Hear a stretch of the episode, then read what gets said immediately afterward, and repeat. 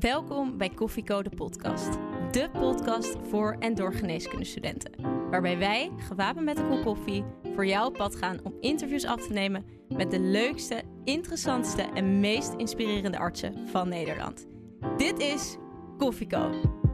Hey Ko, ja wat doe je daar? Er staat een carrière voor je klaar. Maar je weet nog niet wat en waar. Een cappuccino maakt het minder zwaar. Dus zet je volumeknop omhoog. Want je luistert Koffieko en je weet het zo. Papa, papa, da. Leuk dat je weer luistert naar alweer de vierde aflevering van de miniserie Geen huisarts is hetzelfde. Wij zijn Nina. en Olivier. En momenteel zijn we beland op een hele speciale plek, ver verwijderd van het vasteland. We zitten namelijk op een plek waar ik nog nooit geweest ben, op het eiland Texel. En vandaag gaan we in gesprek met dokter Josien Blanksma, huisartsopleider, voormalig tropenarts en praktijkhoudend huisarts op Texel. Dokter Blanksma, welkom bij ons achter de microfoon. Echt superleuk dat wij vandaag bij jou op de koffie mogen. eh, in jouw eigen huisartsenpraktijk op Texel. En dat we kunnen meegenieten van de omgeving waar jij elke dag mag werken. In 2019 ben je vanuit onze hoofdstad verhuisd naar Texel. Mogen we je dan al bijna na vier jaar een echte Tesselaar noemen? Nou, eigenlijk niet. ik word heel warm, eh, ben, ik, eh, ben ik ontvangen op Texel. Maar een echte Tesselaar zal ik nooit worden. Want dan moet je hier geboren en getogen zijn. En hoe mogen we je dan noemen? Gewoon Josine. Huisarts Josine, Ja. Huisarts Josine. Je hoeft ook niet dokter Blanksma te zeggen. Op Texel noemen we elkaar gewoon bij de voornaam. allemaal je of jij. Je of jij. En eh, de meeste patiënten overigens noemen me ook gewoon eh Josine. Nou fijn, die la- laagdrempeligheid. Mooie instelling. Voordat we dieper eh, ingaan op je vak hier als huisarts op Texel, zijn we toch wel heel nieuwsgierig ook naar wie jij bent en wat voor persoon er achter die witte jas zit. En we willen graag daarom beginnen met het doktersdilemma. Het doktersdilemma. Het leven bestaat soms uit lastige keuzes. Denk niet te lang na en geef snel antwoord. Op de woonboot in Amsterdam of een huis op Texel? Moeilijk. Huis op Texel. Huisarts of tropenarts? Huisarts. Het jaarlijkse feest Luilak of het aansteken van de Meijerblis? De Meijerblis. Dorian van Rijsselbergen of Jan Wolkers? Lastig. Ik denk dat hij eh eerste knapper is. maar die laatste mooiere boeken schrijft. Nooit meer ondernemen of nooit meer patiëntencontact? Nooit meer ondernemen. Een ouderwetse dorpsdokter of een moderne huisarts in de grote stad? Ouderwetse dorpsdokter, absoluut. Nou, dat, was, ging du- hartstikke dat goed. was duidelijk. Ik, zag, ik hoorde weinig twijfels.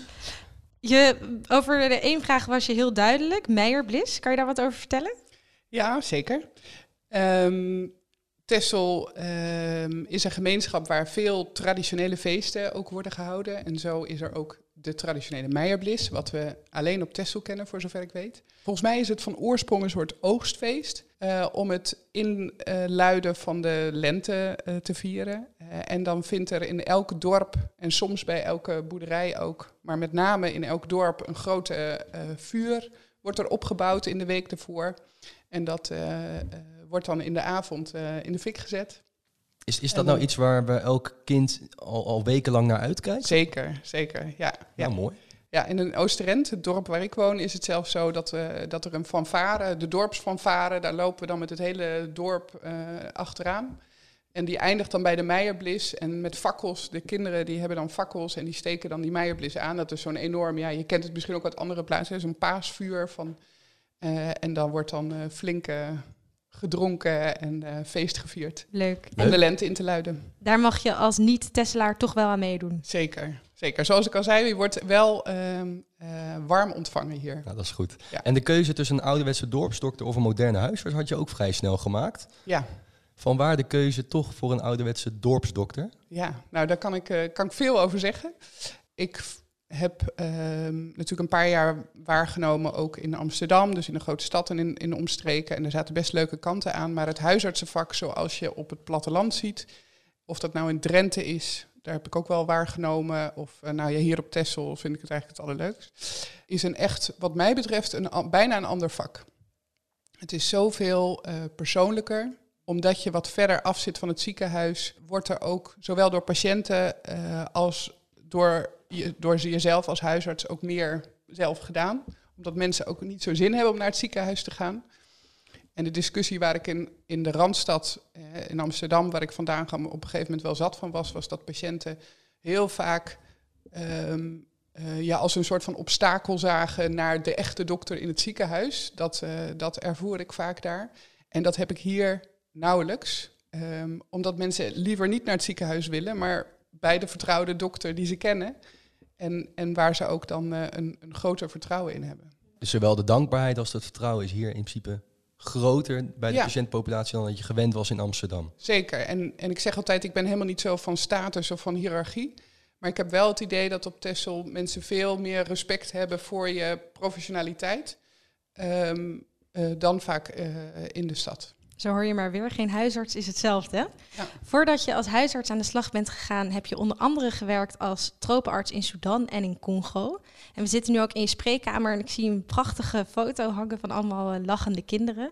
Hoe was deze periode voor jou? Ja, dat was een ontzettend bijzondere periode die ik echt nooit had willen missen. En ik raad ook echt alle co-assistenten aan die enigszins uh, interesse hebben in uh, de wereld buiten het Nederlandse zorgstelsel om, om op pad te gaan uh, waar mogelijk. Um, ik had zelf een enorme drang naar avontuur en, en ook het, het um, nou, het was een deel avontuur, maar ook een deel idealisme, dat ik ook echt wel de wereld wilde verbeteren. De wereld wilde verbeteren. Mooi ideaal. ja, mooi ideaal. Uh, maar ik kan zeker ook zeggen dat het voor een groot deel gewoon puur was dat ik ontzettend veel um, uh, nieuwsgierig was en, en drang had naar avonturen en naar reizen. Om het ook, en, dat, en dan is als, als dokter of als co-assistent of als basisarts zijn er gewoon heel veel mogelijkheden om, om echt ook in het leven van andere mensen, hè, bij patiënten betrokken te zijn over de hele wereld. Heeft deze ervaring jou een betere dokter gemaakt? Uh, doordat je ook buiten Nederland en buiten Europa bent geweest, dat je iets meer een idee hebt van hè, wat er in de wereld te koop is. En ook als je, zelfs op, Texel hebben we ook vluchtelingen uh, die, uh, die hier een plekje vinden. En dat je iets meer een idee hebt hè, wat voor context mensen soms komen. En, en nog meer da, uh, daar begrip voor kan hebben. Dan als je, het is toch een beetje een bubbel hier uh, in Europa. Dus ja. dat je buiten die bubbel bent geweest, dat geeft je wel, denk ik, een groter begrip van, uh, van context van mensen. Voordat je uiteindelijk verhuisd bent naar Texel, waar we het zo wat uitgebreider over gaan hebben, heb je ook een aantal jaren gewerkt als waarnemend huisarts in Amsterdam. Ja. Hoe kijk je terug op deze periode? Um, nou, ik, ik ik vond sowieso het wonen in Amsterdam ontzettend leuk in die periode. Dat was namelijk de periode voordat ik kinderen kreeg. en dan is het een van de leukste steden, denk ik, om te wonen. Maar ik merkte zelf, ik ben opgegroeid in Drenthe. Uh, toen ik uh, kinderen kreeg, die zijn allebei nog wel in Amsterdam geboren. En, en we woonden op een prachtige woonboot uh, aan de, in Amsterdam-Oost, aan de Borneokade. Maar dat ik het toch wel heel beperkt vond dat je altijd met handje vast naar een speeltuintje moet gaan en dat ze niet vrij zelf naar buiten kunnen rennen. Uh, dus ik miste heel erg wel die ruimte. Plus dat ik dus ook wel merkte dat dat huisartsenvak in de stad ik niet, niet zo uitdagend vond en zo leuk vond als dat ik onder andere tijdens mijn huisartsopleiding op Texel had ervaren en tijdens mijn kooschappen in Drenthe. Wat miste je dan in Amsterdam? Um, nou, wat ik net zei, dus ik vond het vaak veel eisende patiënten waar je vervelende discussies mee had.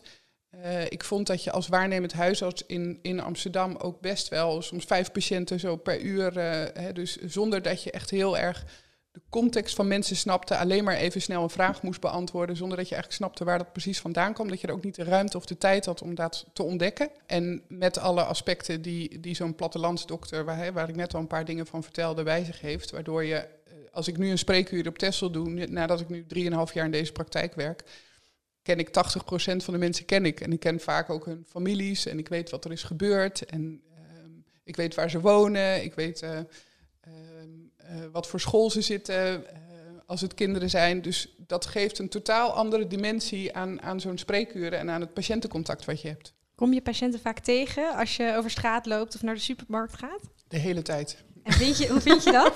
Voel je een celebrity hier in, uh, in Texel? Wel een beetje.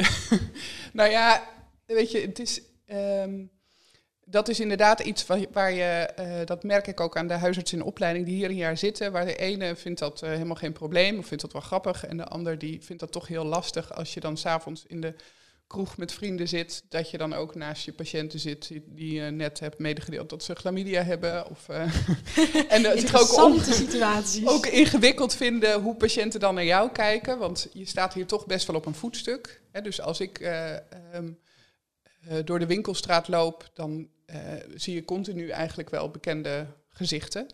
Eh, en mensen denken ook van, oh, daar loopt de dokter. En, en die hebben het daar ook weer met elkaar over. Dus dat hoor je soms ook weer via anderen terug. Ja, ik vind dat zelf juist wel ehm, heel gemoedelijk of zo. Zo'n zo'n community. Eh, en ik, ik vind zelf ook, zeker op Texel, iedereen heeft zo zo'n rol. Hè. Je, hebt een, je hebt een loodgieter, je hebt, eh, ehm, je hebt eh, de kassabediende. En ik zorg weer voor hun. En als mijn wc verstopt is, dan zorgt de loodgieter weer voor mij.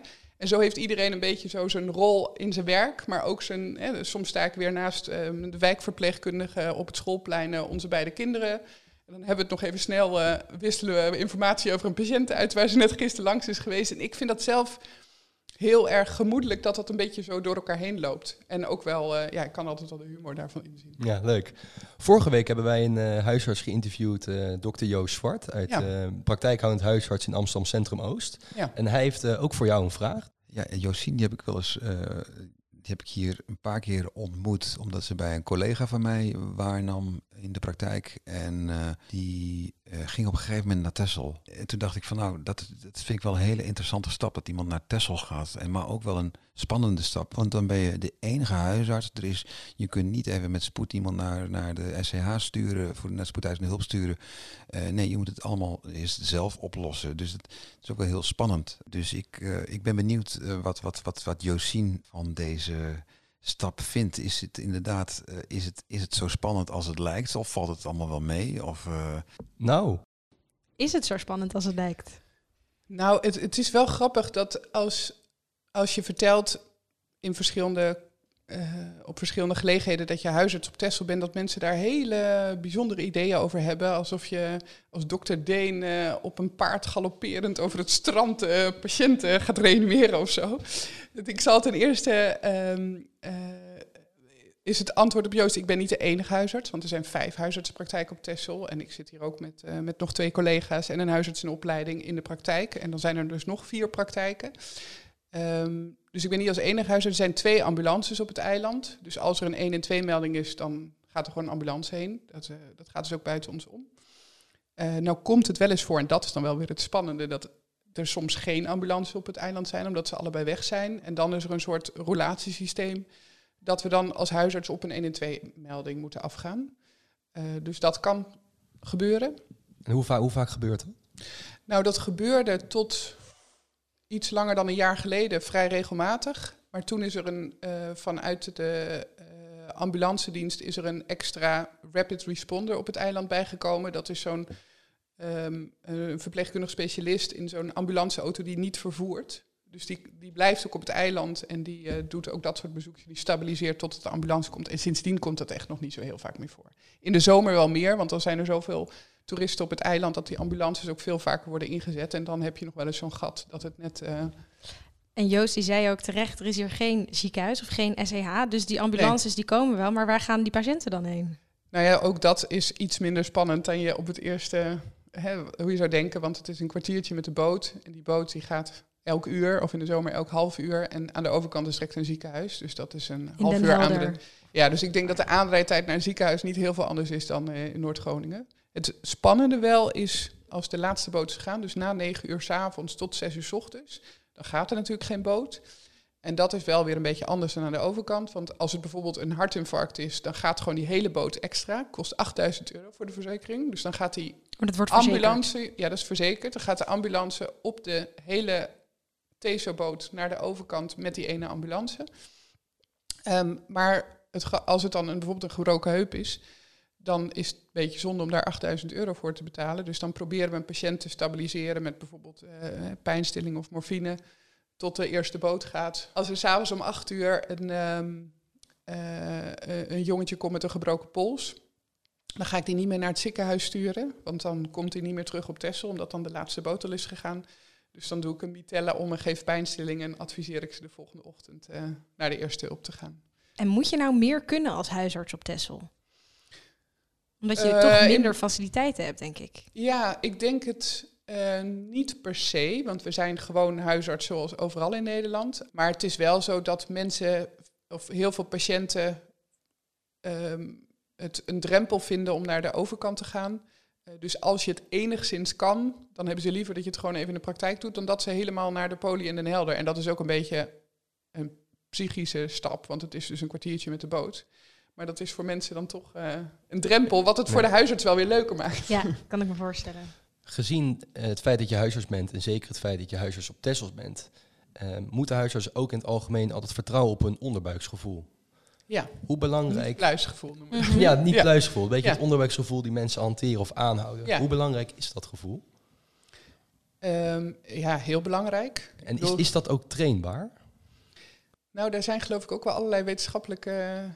misschien een interessante vraag voor de volgende gast. als, ze daar, als ze dat iets van hun gebied is in elk geval. Maar ik heb geloof ik wel eens gelezen dat dat...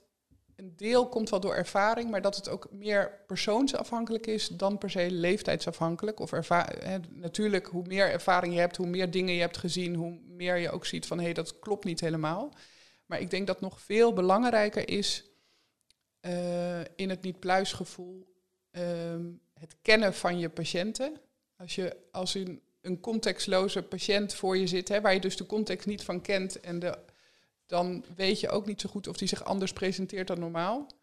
Terwijl eh, als je als dokter je patiënten goed kent en je, je volgt ze al jaren, dan denk ik dat je beter aanvoelt als je ziet van hé, hey, hij ziet er anders uit dan normaal. Hij is een beetje ingevallen, hij ademt wat sneller. eh, wat komt hij hijgend binnen? Dat, ken ik helemaal niet van hem. En terwijl een andere patiënt, die weet je, die hijgt altijd.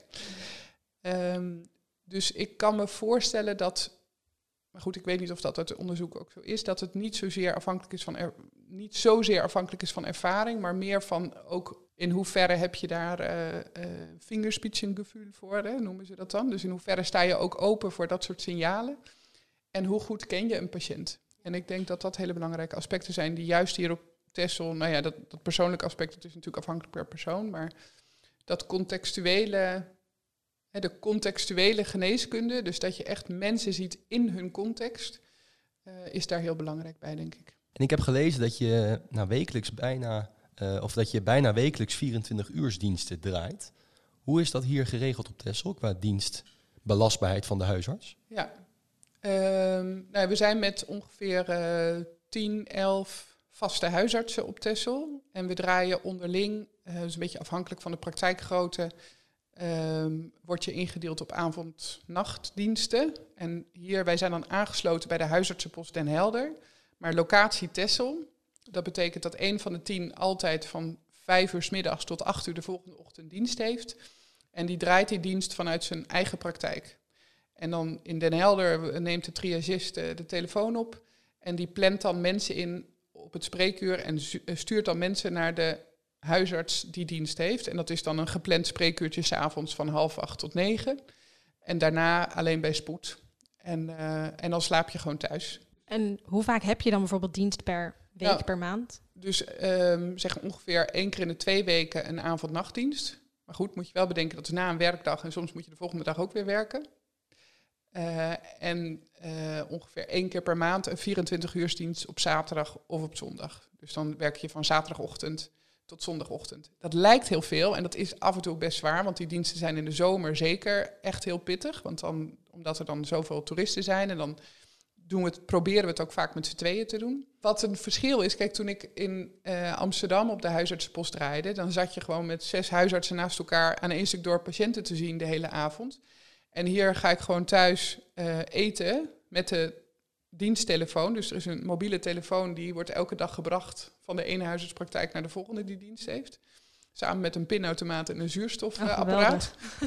en door de week is er dan een taxibedrijf die brengt dat eh, volgens schema van de ene en de andere praktijk. En het weekend brengen we het onderling naar elkaar. Ehm, en dan ga ik gewoon thuis eh, eten met mijn kinderen, een boekje lezen. eh, en dan om half acht is het spreekuur. En soms bel ik de triagist, is er nog niemand? Laat de spreekuur dan maar een half uurtje later beginnen, want dan kan ik mijn kinderen nog even naar bed brengen. en dan ga ik gewoon om, ehm, eh, om half acht hier naar de praktijk. En dan eh, zie ik een paar patiënten en dan ga ik weer naar huis. En dan slaap ik met mijn diensttelefoon. En soms heb je vreselijke nachten dat je twee of drie keer eh, eruit moet of visites moet doen. Of, ehm, eh, en soms slaap je gewoon de hele nacht door. Dat, is, ehm, Dat wisselt zich mooi dat af. wisselt zich af. Naast jouw super interessante werkplek natuurlijk, Tessel, zijn we ook erg geïnteresseerd in je vak als huisarts aan zich. Kan je ons vertellen hoe jouw dag er gisteren bijvoorbeeld uitzag? Het is vandaag zaterdag, dus we hebben het over gisteren. Nou, ik, eh, eh, de huisartspraktijk begint om, hè, die gaat om acht uur open. Dat is overal in het land zo, dus hier ook. Nou, één leuk dingetje wat ik wel mee wil geven als praktijkhouder. Dat je ook, omdat het je eigen praktijk is, kan je dat natuurlijk ook. Je moet wel zorg garanderen vanaf acht uur. Maar je kan ook zeggen van nou ja, ik breng eerst mijn kinderen om half negen naar school en ik kom om kwart voor negen. En mijn collega die begint wel om acht uur. Dat kan je gewoon, eh, je bent eigen baas, dus dat kan je zelf regelen. Dus dat doe ik ook af en toe. Maar in principe eh, gaat dus de praktijk om acht uur open. Wij verzamelen meestal om tien voor acht even bij de balie met de assistenten om even door te nemen van zijn er bijzonderheden vandaag. Eh, hoe, hoe, wie werken er allemaal vandaag en wat is de taakverdeling? En dan eh, heb ik van acht tot half elf spreekuur. Wij zien vier patiënten per uur met ook een uitloopblokje, dus 15 minuten per patiënt. En als het een ingewikkeld probleem is of meerdere dingen, dan eh, hebben we een half uur per patiënt. Ehm, en daarna hebben we koffiepauze met z'n allen, een half uurtje. Proberen we het niet over werk te hebben. Ehm, en dan hebben we tot ehm, kwart voor twee tijd om administratie te doen. Dat wil zeggen allerlei vragen die aan de assistenten zijn eh, gesteld aan de telefoon om te kijken hoe je die moet beantwoorden. Recepten te fiateren die mensen hebben herhaald. En natuurlijk de visites te doen. Eh, en tijdens de koffiepauze verdelen we een beetje de visites van de dag. Want die gaat daarheen, eh, die gaat daarheen. En dat is op Texel heel leuk, want je, als het, hè, de meeste mensen wonen in Den Burg, dus als het alleen visites in Den Burg zijn, dan kan je gewoon op de fiets met je dokterstas eh, achterop eh, fiets ik gewoon eh, langs mijn patiënten. En als het in de buitengebieden is, dus in de Koksdorp of Oostrent of de Koog, dan ik heb zelf een Fiatje met een open dakje en dan Heerlijk. In, in de zomer cross ik dan een beetje over het eiland van de ene naar de andere en soms kom je dan bij een stolboerderij en soms kom je bij een van de horeca-ondernemer. eh, Mhm. En waar haal jij nou de meeste voldoening uit binnen jouw werk? Ehm, de meeste voldoening haal ik echt wel uit het menselijk contact. Ehm, dus dat is wel grappig, want ik denk dat daarin dokters ook heel verschillend zijn. Hè? Dus ik heb bijvoorbeeld een schoonbroertje, die is orthopeet in opleiding en die vindt al die polies maar vervelend, want dan moet hij allemaal eh, al die gesprekken met die patiënten, die wil gewoon opereren. En dat is ook waar hij gewoon heel goed in is. Ehm, Maar dat vind jij juist het mooie aan het vak. nou ja, ik vind het op zich best leuk om een ingreepje te doen. Maar ik, ik zou het afschuwelijk vinden om de hele dag op een OK te staan met eh, bewusteloze patiënten. Dus ik vind het ontzettend leuk als mensen binnenkomen en ze zeggen: Hé hey, Josine, ik zag je nog daar. Ja, ja, hoe is het met je broer en je oma? En, eh, nou, eh, en wat is nu de reden dat je komt? En juist eh, die grapjes tussendoor en, en het gesprekje met mensen. En, en vooral ook dat je dingen in een context kan plaatsen. Hè. Dus als mensen komen, ehm, eh, bijvoorbeeld met: Ik heb al twee weken hoofdpijn.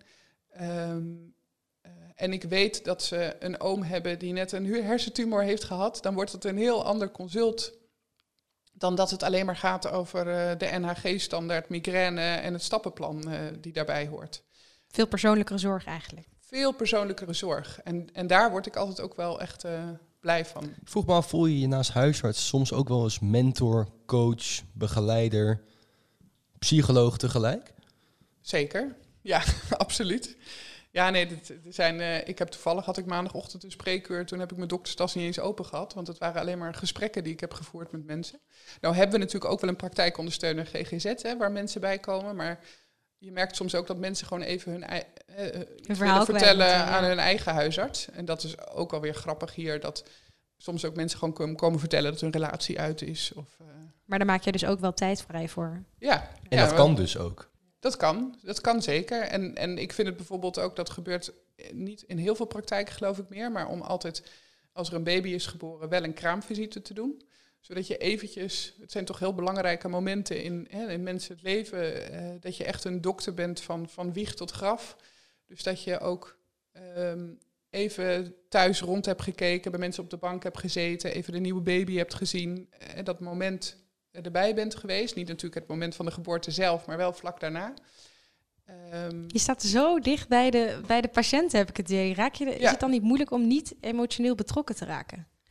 Ja, dat is ook een, ook een goede vraag. Dat is soms, eh, soms vind ik dat inderdaad eh, ook best een uitdaging.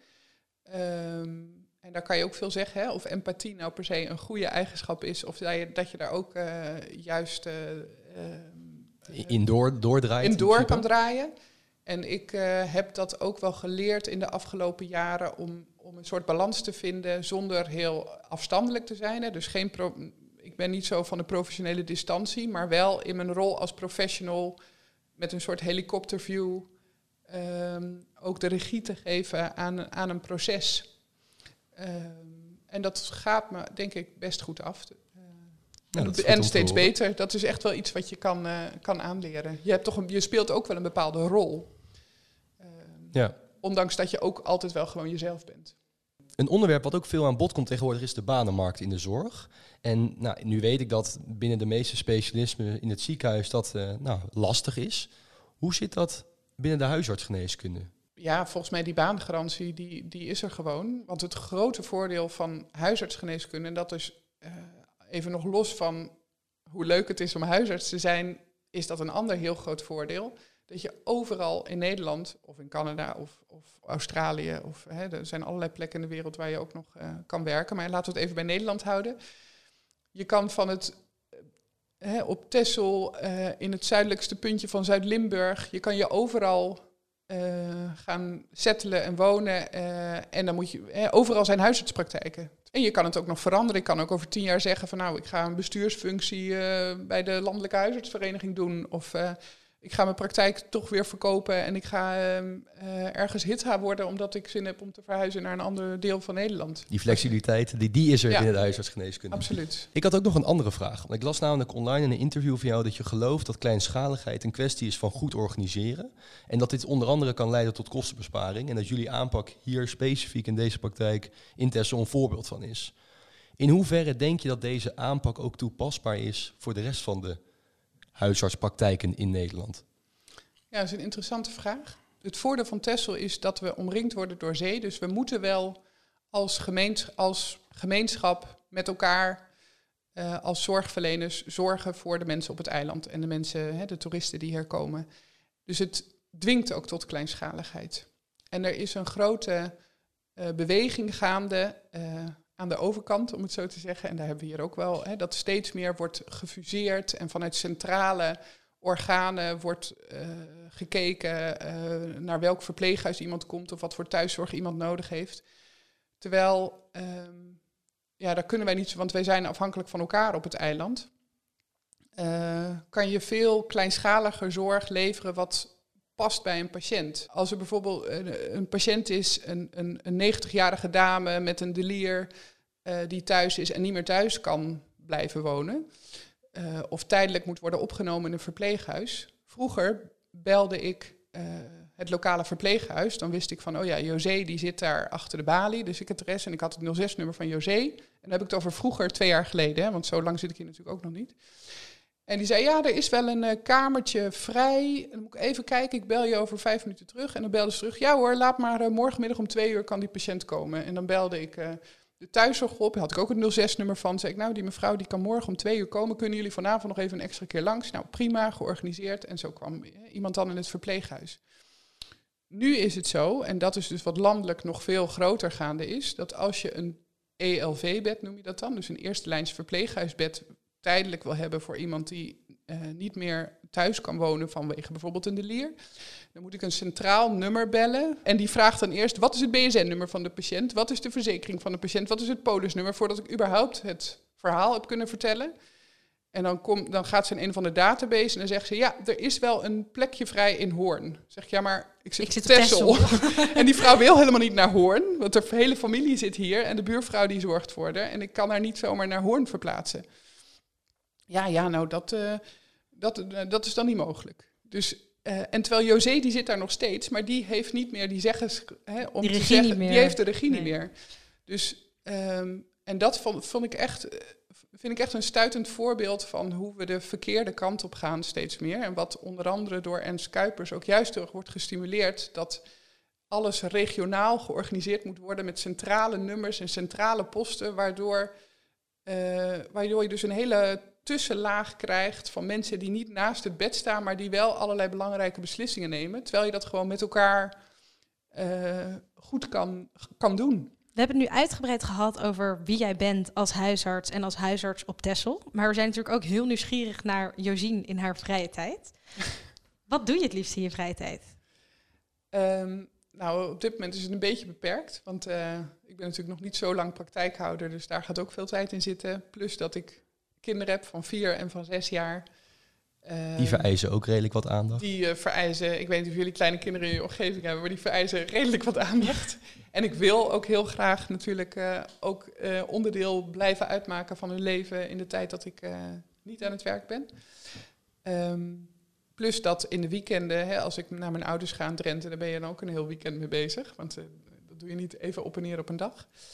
Uh, dus heel veel tijd gaat zitten in familie, gezin en, en natuurlijk het, uh, de praktijk zelf. En het ondernemerschap en personeel en et cetera, et cetera. Maar hoe zorg je dan dat je toch nog tijd hebt om te ontspannen? Uh, nou, wat ik, ik, dit, ik, ik, doe natuurlijk wel wat dingen. Dus ik ben onder andere een tijdje geleden lid geworden van een zwemclub op Texel. Ik heb altijd heel, zwemmen heel leuk gevonden. Ik kan nog niet zo ontzettend goed, maar ik vind het wel heel leuk. En dat is dan twee keer per week ehm, kan je meedoen met een, met een soort uh, training. Uh, zomers in het buitenbad en winters in het binnenbad. En wat heel leuk is, heb ik vorige week voor het eerst meegedaan. Zij zwemmen ook in de Waddenzee. Met een wetsuit aan en met een boeitje aan je middel. Oh ja, en met geweldig. een bootje die meegaat. En dan uh, zit ik in zo'n appgroep en dan wordt er, dat is wel trouwens een leuke anekdote. Dan um, wordt er geappt van morgen, dan gaan we van het strandje van Ouderschild naar de IJzeren Kaap. Uh, tien uur beginnen. En dan zit ik daar dus ook tussen mijn patiënten. Want een, ongeveer de Met- helft, Mee zwemmen in je wetsuit. met je de helft van die patiënten... Ja, en dan sta ik ook mee onder de douche. En eh, ehm, de helft van het zwemclubje zit ook gewoon bij mij in de praktijk. En dat vind ik dus ontzettend leuk. Dat je en samen aan het zwemmen bent. En ehm, eh, eh, er was bijvoorbeeld één patiënt die is best ernstig ziek geweest. En die is daarvan herstellende. En zij deed vorige week ook voor het eerst mee eh, om weer een stukje in de Waddenzee te zwemmen. Maar ze is wel een ontzettende sportieve vrouw met, met heel veel zwemervaring. En ik er natuurlijk nog niet. En zij zei van ja, vanwege die behandeling eh, doe ik eh, een klein stukje mee. Ik zei nou, ik doe het voor het eerst mee, dus ik wil ook een klein stukje. Zullen we dan met z'n tweeën, stapten we iets later aan de, aan de Waddendijk in en stapten er ook iets weer eerder uit. Ik zei, dan doe ik jou onder medische begeleiding. En ik, en ik Goed excuus. jij geeft jij mij dan een beetje de, de zwemtraining. Eh, dus ik hou jou vast, aan jouw tempo vast, want zij zwemt veel harder dan ik.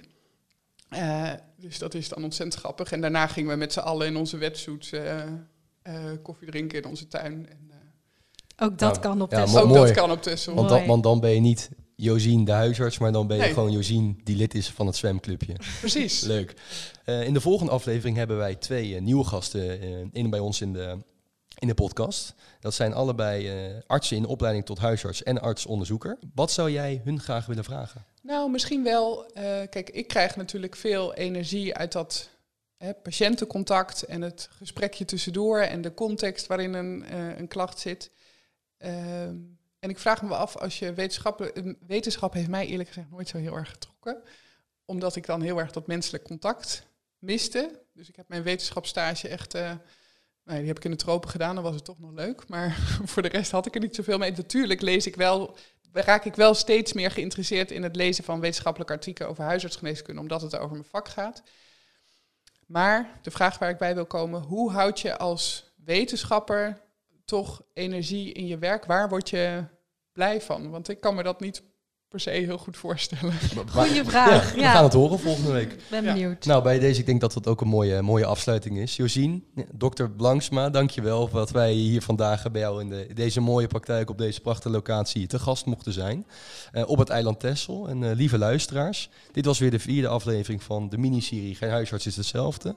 Eh, we zien jullie graag de volgende keer terug bij de volgende aflevering van eh Koffiecode Podcast. Wij duiken nog even de zee in. Bij deze.